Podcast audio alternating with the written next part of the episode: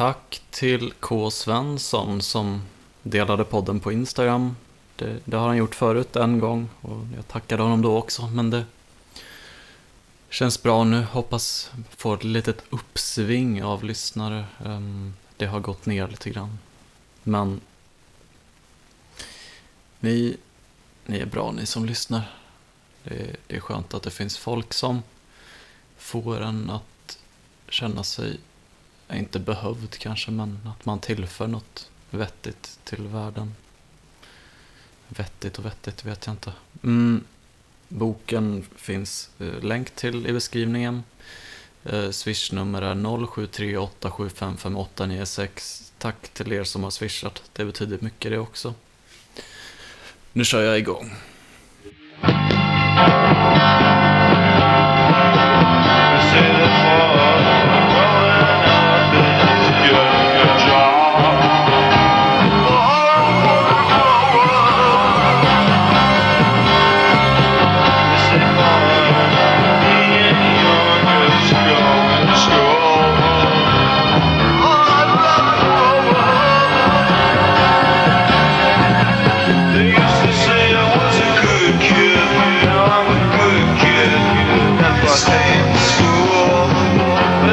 say that I was dumb.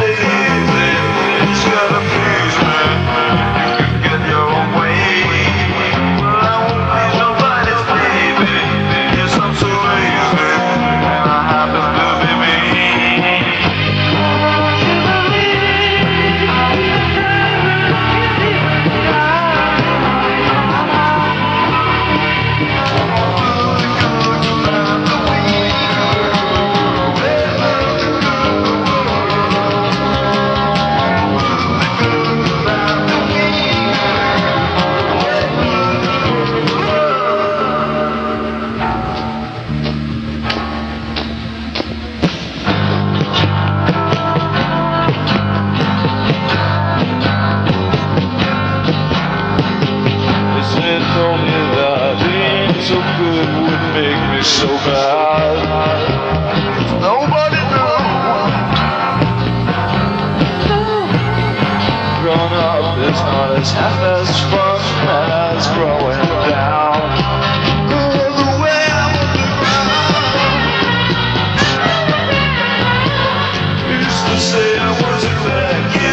I'm glad that they did. Now I play all the time. Now people say it's good.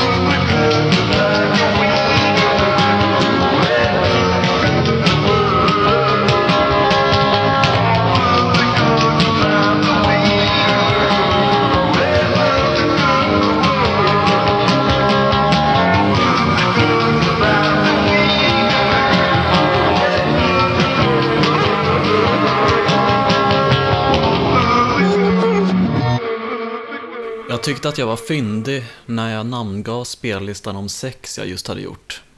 Små vita sånger om att knulla. Det var en dubbel referens på sätt och vis. Den ena övertydlig till Big Blacks skiva Songs about fucking. Pinsamt egentligen. Riktiga posörfasoner när det kom från en som han veteligen aldrig hade hört en enda låt av dem. Enda jag visste var att Steve Albini hade varit med i bandet. Och han var visserligen en legend i och med Pixies producentskapet. Men man ska vara varsam med att göra anspelningar sådär. Väldigt lätt att någon äkta skalle sticker hål på ens ballongtäckta fasad. Den andra referensen var så luddig att nog bara jag förstod den. Till det gamla skämtet om att radarparet skulle lansera sig som DJs där Robert var antirasisten som bara spelade vit musik och Lampinen var rasisten som bara spelade svarta artister. Jag höll mig för det mesta på Roberts sida, så det stora svarta blev till små vita. På jobbet häromdagen hade jag lyssnat på XTC-skivan Skylarking, som verkligen började växa på mig. Särskilt övergången från Summers Cauldron det första spåret till det andra vid namn Grass.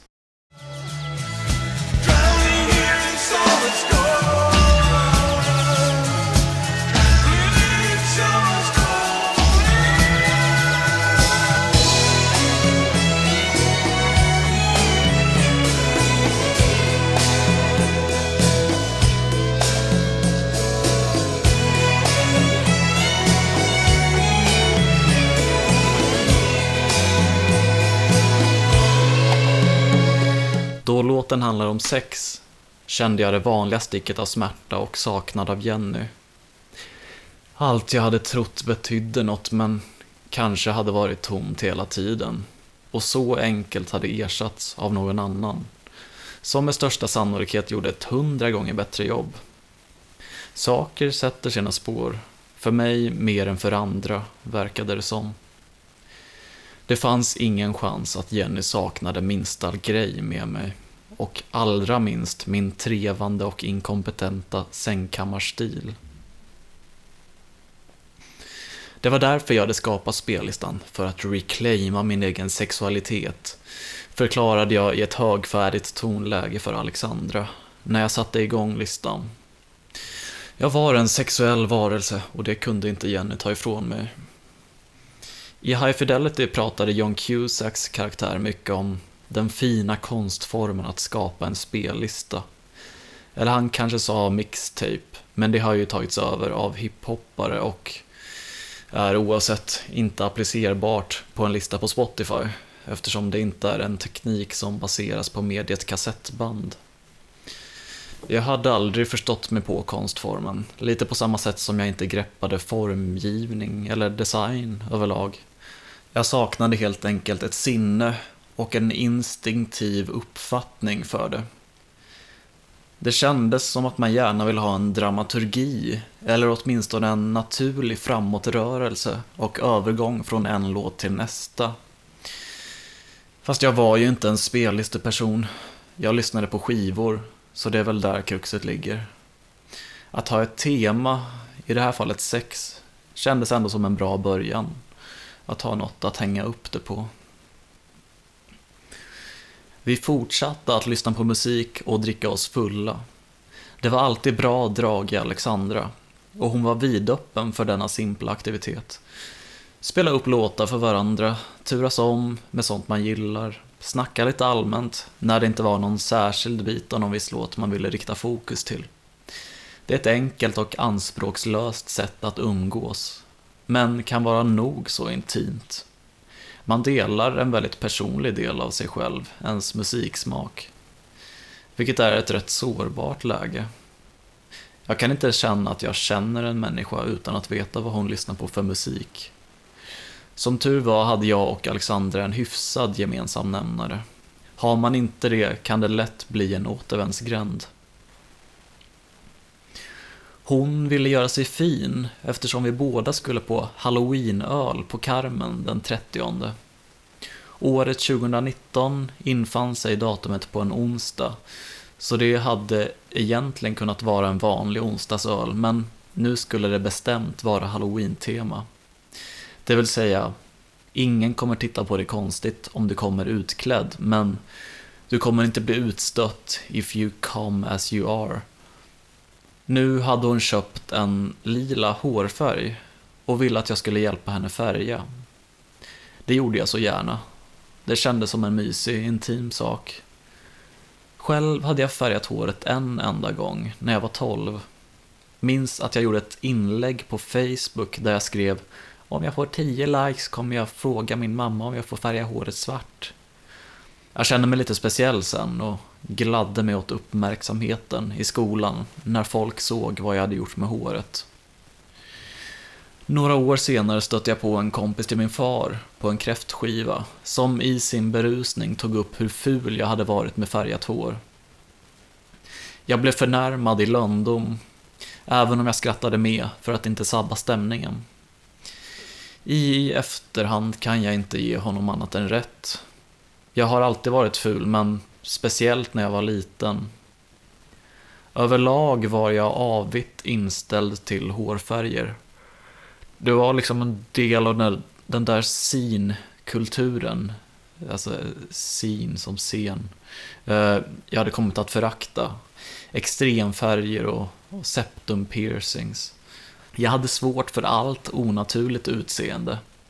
Udda hårfärger, piercings, tatueringar. Alexandra var både tatuerad och hade en piercing i ansiktet av alla ställen. Och nu hjälpte jag henne göra ett hattrick på min svårt för-lista. Men hon var fin i allt, alla plagg och alla udda modifieringar. Vi tog med vinet in till badrummet och körde järnet.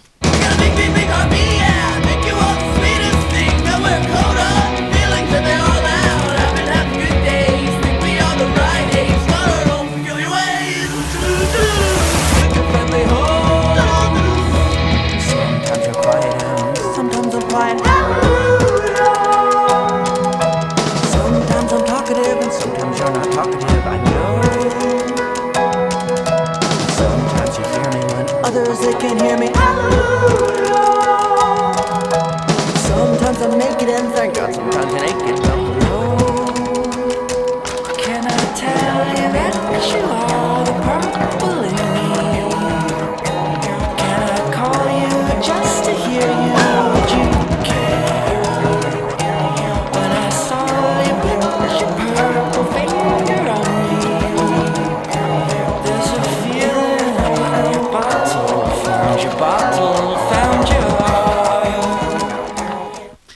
Prova en av Alexandras toppar som var alldeles för liten.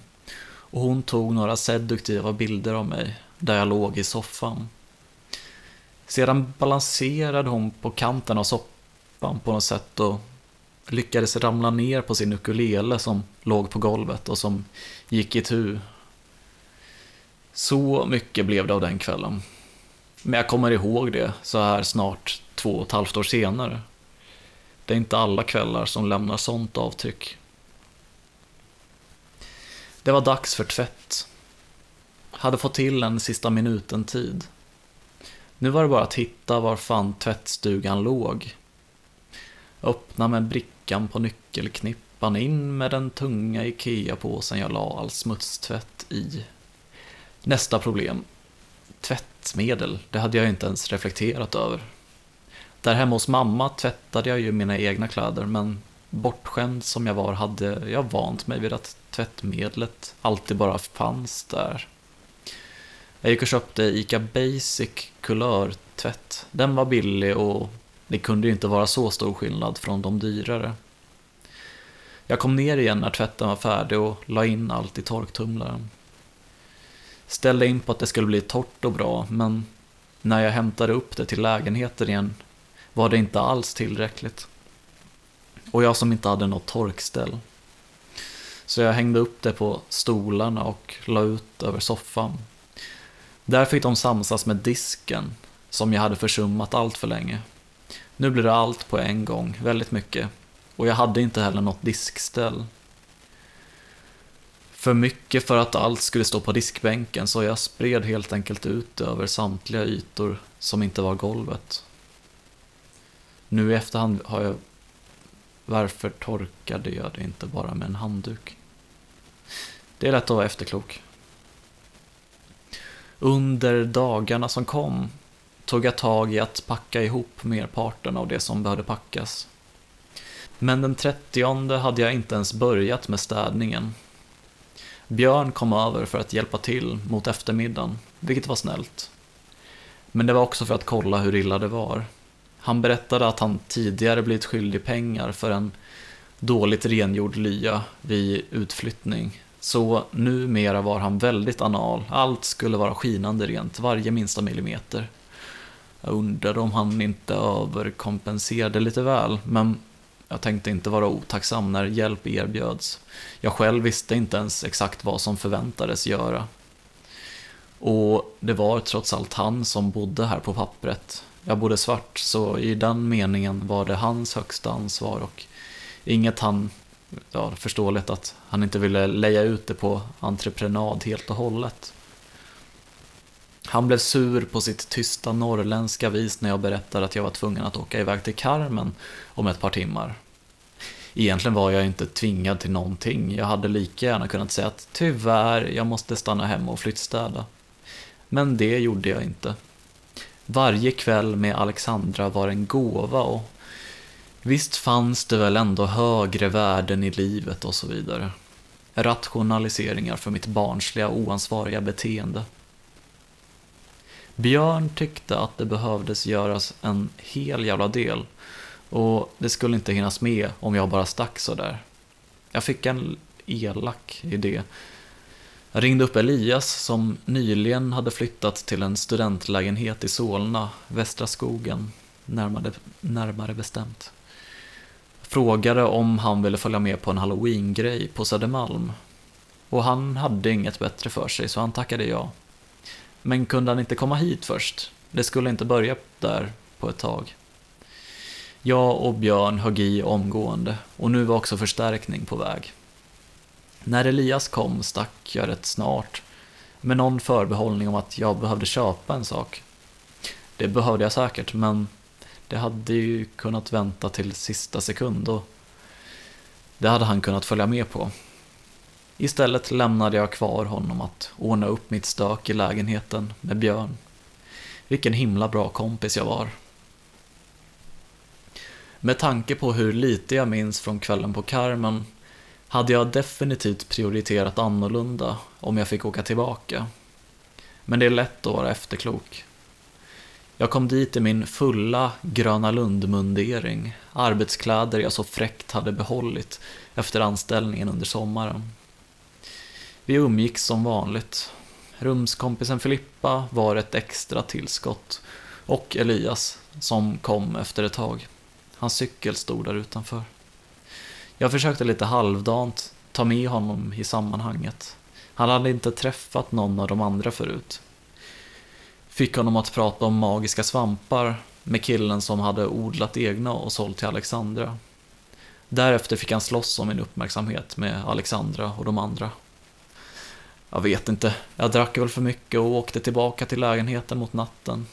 Som alltid.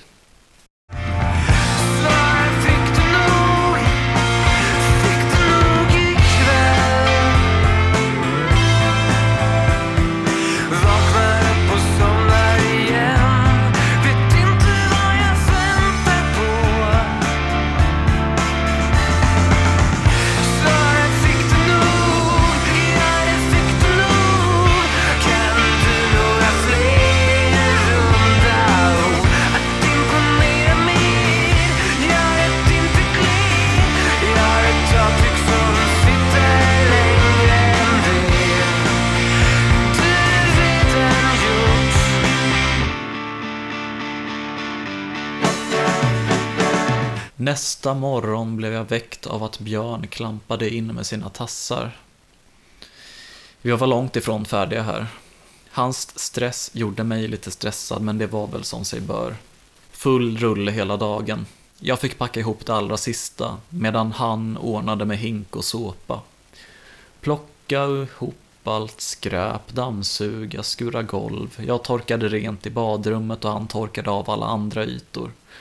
Nyinköpta trasor som skrapades roa mot väggar, fönsterkarmar och bänkar.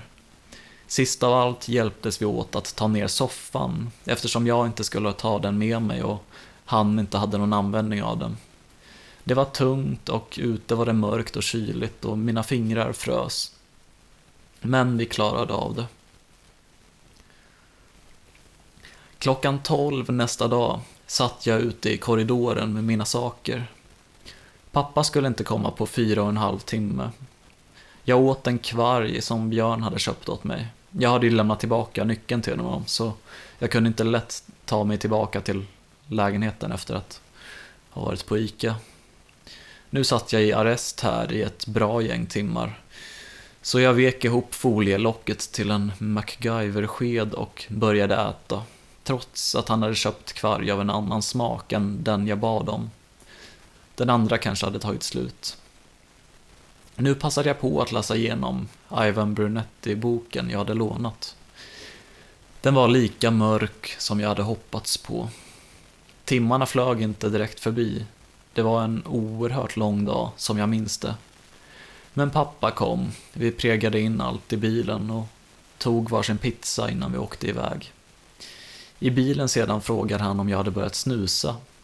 Fan, påkommen. Hade ändå klarat mig oupptäckt mer än ett halvår. När han kände det på lukten, sa han. Ett eget rum i en sunkig lägenhet i orten. Brandbergen var tydligen rätt stökigt. När jag hade berättat att det var dit jag skulle flytta, på släktfika hos farmor, hade min kusin frågat om jag skulle börja bära kniv nu. Bara för säkerhets skull liksom. Alexandra hade haft en del ruggiga erfarenheter i Husby, hade jag fått veta. Någon invandrarkille på bussen som började prata med henne och sen gick av på samma hållplats och följde efter henne när hon gick hem. Men jag var man, så det fanns ingen överhängande risk för sexuellt våld eller hot av dito. I och för sig, i Afghanistan finns det väl fortfarande en tradition av pederasti, så vitt jag förstått. Men jag är förmodligen för gammal och afghanerna som kommit hit för unga. Visst, skäggbarn inom citationstecken och ljuga om sin ålder och så vidare, men det måste vara svårt att komma undan med att påstå sig vara under 18 om man egentligen är 50-60 år gammal. Riktigt så lågt förtroende för ålderskontrollerna har jag faktiskt inte. Man kan bli rånad också. Men jag går sällan runt med något värt så mycket att besväret skulle löna sig. Mobilen hade några år på nacken och var inte ens ny när jag köpte den. Ett eget rum alltså. Allt till trots skulle det vara skönt att slippa att ha två månaders stressen flåsande i nacken. Kiggen kom över med ett hafsigt handskrivet hyreskontrakt och där var specificerat en tre månaders period. Men det var inte flytta ut därefter utan det skulle förlängas om inte någon särskild omständighet föregick. Kiggen hade ett eget boende, han behövde inte rummet så 4000 extra i månaden var väl bara nice. Jag skickade hyran på Swish och var tvungen att dela upp det i flera betalningar eftersom min bank inte tillät en så stor överföring på en och samma gång. Min rumskamrat avslöjade en lustig detalj angående Kiggens boende faktiskt. Jag satt och hjälpte honom med datorn eftersom jag på något konstigt sätt alltid blir folks IT-support. Så i skolan, så nu i privatlivet. Inte för att jag har något emot det egentligen. Det är bättre att inta en användbar roll än att inte behövas alls och lämnas på återvinningen som brännbart avfall. Såg bland medicinerna han hade i sin hylla att han också tog Lergigan. En, ja, en fellow ångest slash sömnbesvärs-king. Jag tog upp kontraktet jag nyss hade skrivit på och frågade om han betalade samma hyra. Han betalade ingen hyra alls faktiskt. Det var nämligen så att personen Kiggan bodde hos nu var min rumskamrats exflickvän.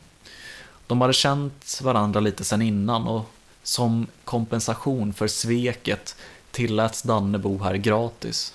De hade ett rent samvetesavtal.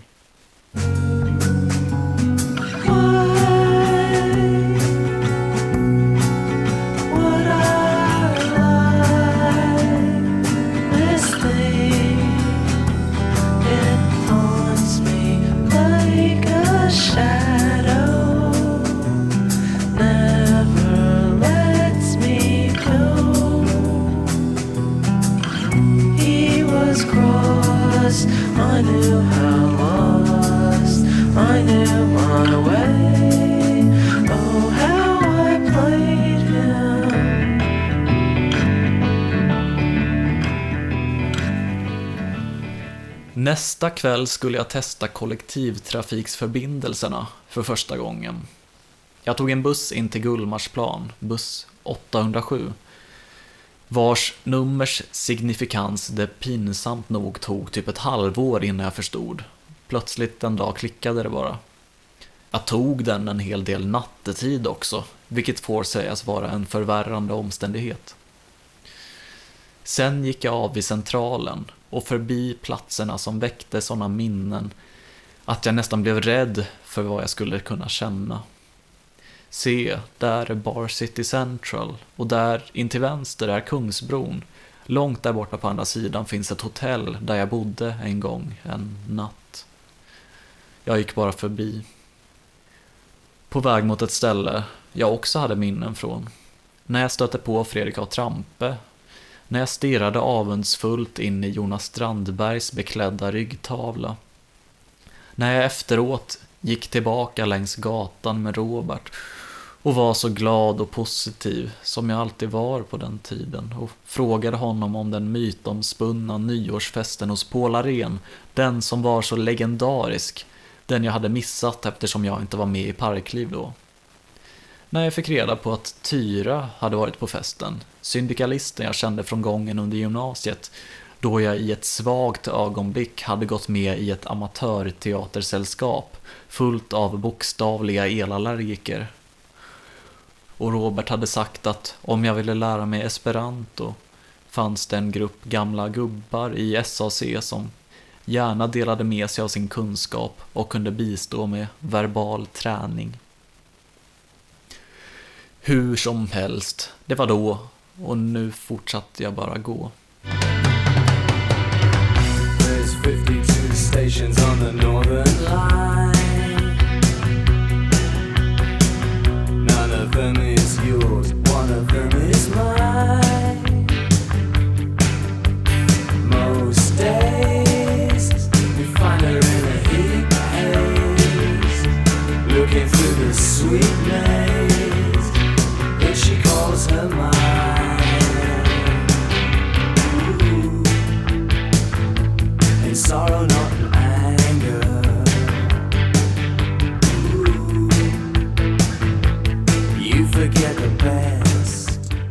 Alexandra mötte mig utanför Systembolaget.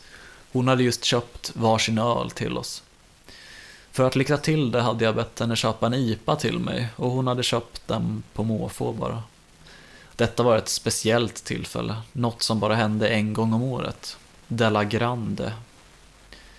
Jag hade nog inte ätit så bra, lite hjärtklappning och ont i magen sådär. IPAn var inte särskilt god, jag fick verkligen tvinga i mig den.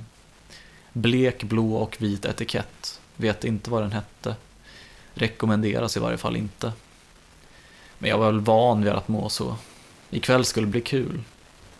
Det är något speciellt med att gå på ett evenemang sådär med en ny person. Kanske inte tillfället i sig, mer insatsen i att planera in något. Att köpa en biljett till något som ligger i framtiden.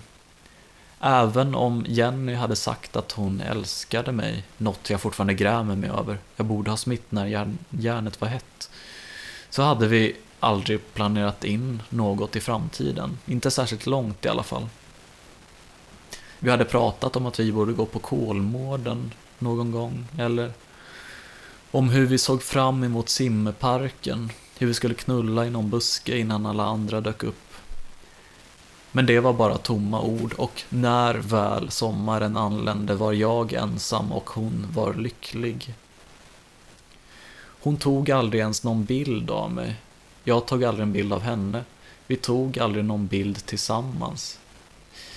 Det är jag nog glad över.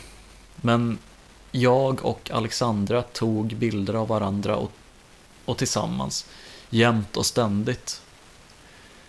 Och när jag inte tog bilder av henne avbildade jag henne på annat sätt.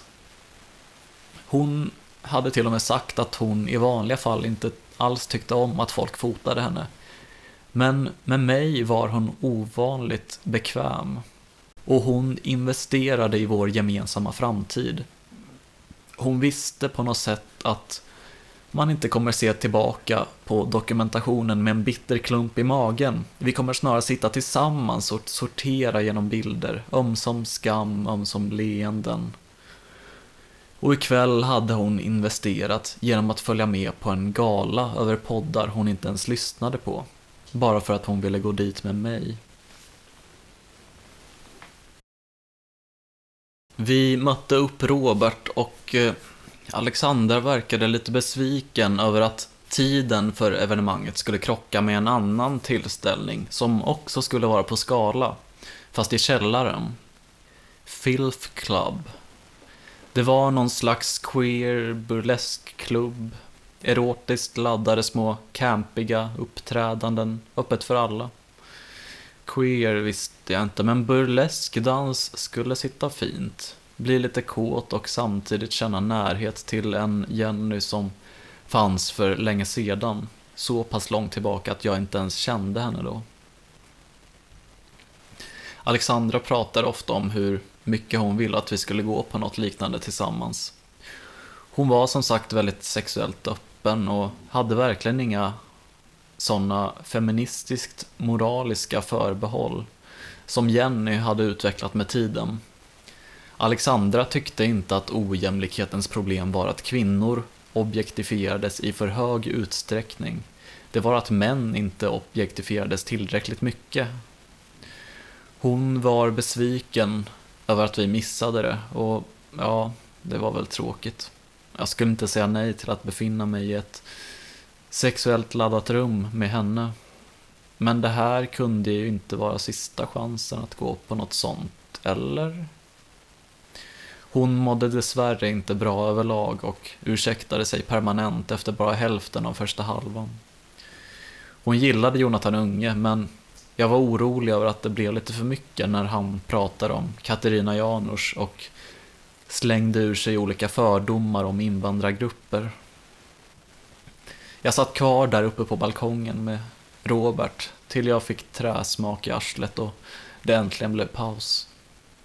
Jag tog lite luft utanför och satt mot väggen och tecknade av K. Svensson i mitt anteckningsblock från en bild på mobilen.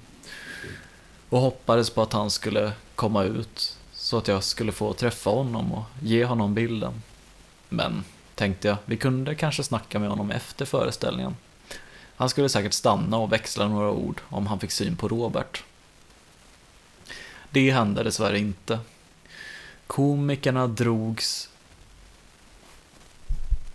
Komikerna drog väl in backstage direkt. Men vi pratade med Fredrik A. Trampe en stund som hade gästat i föreställningens andra halva, ett avsnitt av Della Her Story.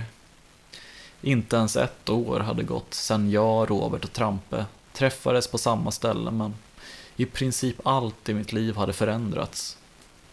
Efter den gången hade jag och Robert tagit oss till Nomad. Det var tiden då man fortfarande fick röka på uteserveringar, vilket Robert nyttjade till fullo på deras innergård. Det var fullt ändå, så det var väl skönare att stå, stå upp där än att trängas inomhus med de andra nomaderna. Alexandra skrev nu att hon var på Carmen, men jag undrade om hon inte kunde förflytta sig till Kvarnen istället. Vi var på väg dit för att möta upp Kristoffer, en gammal kompis till Robert som också var med i Parkliv. Det blev ett stort gäng som kom dit, för eh, Alexandra hade med sig inte bara Koski och några till från onsdagsgänget, utan också Joel. För någon vecka sedan hade hon berättat att hon tagit upp med honom att hon var lite osäker på deras förhållande. Jag hoppades att det skulle få konsekvenser, men det verkade snarare ha fört dem närmare. Inte på grund av Joels ansträngning såklart, utan för att Alexandra hade börjat läsa massa böcker om hur man räddar ett förhållande och hade en hälsosam och varaktig relation. Det var alltid hon som tog tag i saker och var ansvarsfull och omtänksam och det var ju en stor del av problemet. Det skulle förmodligen vara kontraproduktivt att hon fördubblade sin ansträngning och bara leda till att hon brände ut sig och gav upp. Nu var jag inte en sån osympatisk accelerationist som hoppades på det utfallet, men det var onekligen ditåt det barkade och jag hade inte rätt att lägga mig i det hur mycket som helst. Sen blev det Carmen i alla fall. Och det blev en trevlig kväll trots Joels närvaro. Jag satt och tecknade i mitt block och en man med en besynnerlig frisyr kom fram. Han hade skägg och hår fast bara på ena halvan av skallen. Jag tror till och med det kan vara så att skägget var på ena sidan och håret på andra. Resten var renrakat. Det var en man som Joel kände igen. Det var mannen som fixar cyklar med skånsk kärlek här i Stockholm. Åh fan. Jag hade aldrig sett honom, men hans reklam är ju genialisk och finns typ överallt i Stockholmsområdet. Mannen blev imponerad av mina teckningar och ville lägga till mig på Facebook för att jag vid ett senare tillfälle skulle teckna ett porträtt av Johnny Cash på en vit rock, ett projekt han hade där olika personer skulle bidra med små konstverk för att skapa en summa större än sina delar. Förmodligen skulle den rocken bara bli rörig, men visst, det gör jag gärna. In the room of percussion, the discussion slides as you enter through the door. And the one-armed bandit laughs aloud and disappears once more. Foolish thoughts of ecstasy are dead, but without much concern. In the heart my hopes by millions lay twisted as they burn. Ja, det blev som sagt en trevlig kväll. Ända tills det plötsligt slutade vara det. Det var ett meddelande jag läste på mobilen. Från Björn. Jag fick en sån där frånvaroskänsla från min kropp. En liten dissociation man ibland kan känna när man får stark ångest. Det gällde rummet och flyttstädningen. Han var rejält sur, vilket han inte hade visat dagen innan när vi hade sagt adjö. Men han var också en sån person som var jättetrevlig när man träffade honom, även om han kunde vara lite knepig socialt. Men på nätet och i chattar gick han loss och slängde ur sig det ena eller det andra. Kalla det konflikträdsla, IRL, eller att ta på sig en mask och en persona online. Han skrev att hyran jag hade betalat under månaderna jag bodde där hade varit en kompishyra. Och jag hade inte betett mig som en kompis. Därför skulle jag betala honom 3500 kronor extra och dessutom 1500 som kompensation för det inkomstbortfall som blivit när han var tvungen att ta ledigt från jobbet för att hjälpa mig städa. Jag mådde så dåligt att jag knappt kunde säga vad det var så jag visade meddelandet för Robert och Alexandra. Robert tog en stund för att fundera över situationen men Alexandra var praktiskt lagd och gick rakt på sak. Fanns det någon klausul i vårt kontrakt om städning eller om vad att bete, bete sig som en kompis innebar? Eh, nej, vi hade inte ens haft något kontrakt. Ett informellt avtal snarare, med få detaljer. Okej, okay, vet du vad? Då kan du skriva till honom att han inte alls har någon rätt att retroaktivt höja din hyra. Inkomstbortfallet var en helt annan femma. Det var ju rimligt av honom att kräva. Jag drog mig för att svara honom, men skrev till slut jag kompenserar dig för din förlorade arbetsdag, men vår överenskommelse hade inga klausuler. Han undrar om jag kunde, ja, om jag hade pengarna nu på en gång och kunde swisha. 1502 kronor var det exakta beloppet, mycket noga. Nej, svarade jag, då har jag inte råd med mat. Du får dina pengar efter löning. 1502 kronor, inte ett jävla rött öre till. Nu var det jag som var mest sur, men det var snarare en förtäckt kränkthet och rädsla och ledsamhet. För visst hade han inte rätt att kräva det där. På sätt och vis var det jag som hade övertaget eftersom jag visste att han hade hyrt ut sitt rum svart. En uppgift som i fel händer nog hade gjort honom skyldig till mer pengar än, än vad han hade blivit skyldig för på grund av en dålig flyttstädning. Men det handlade inte om det, inte bara det i alla fall.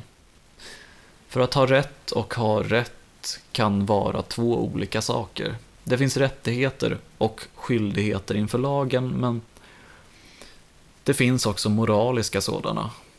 Och jag var inte alls säker på att jag hade den moraliska överhanden. Det var nog därför jag blev så upprörd. Jag sökte bekräftelse hos Alexandra och Robert och de andra vid bordet. Sen började jag skriva om det i Parklivschatten. Jag tog upp att Robert var på min sida. Det var så jävla pinsamt. Mellanstadienivå deluxe. Någon skrev att jag hade levt som en slusk och det kanske stämde men det var sårande som fan att läsa.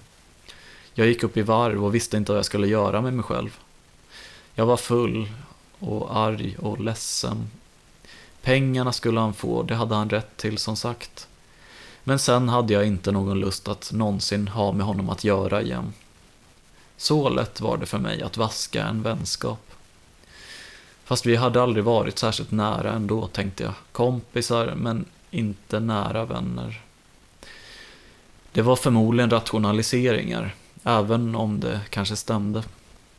Det spelar väl ingen roll egentligen. Vi lever i ett jävla slit och slängsamhälle och jag var i allra högsta grad en aktiv del av det.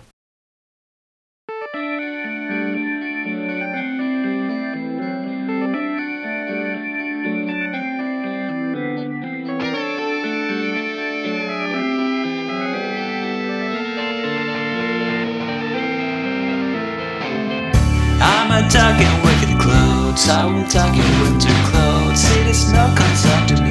Out of sensitivity. For your worries, I will get too hot in the summertime. I'll never take off my shirt.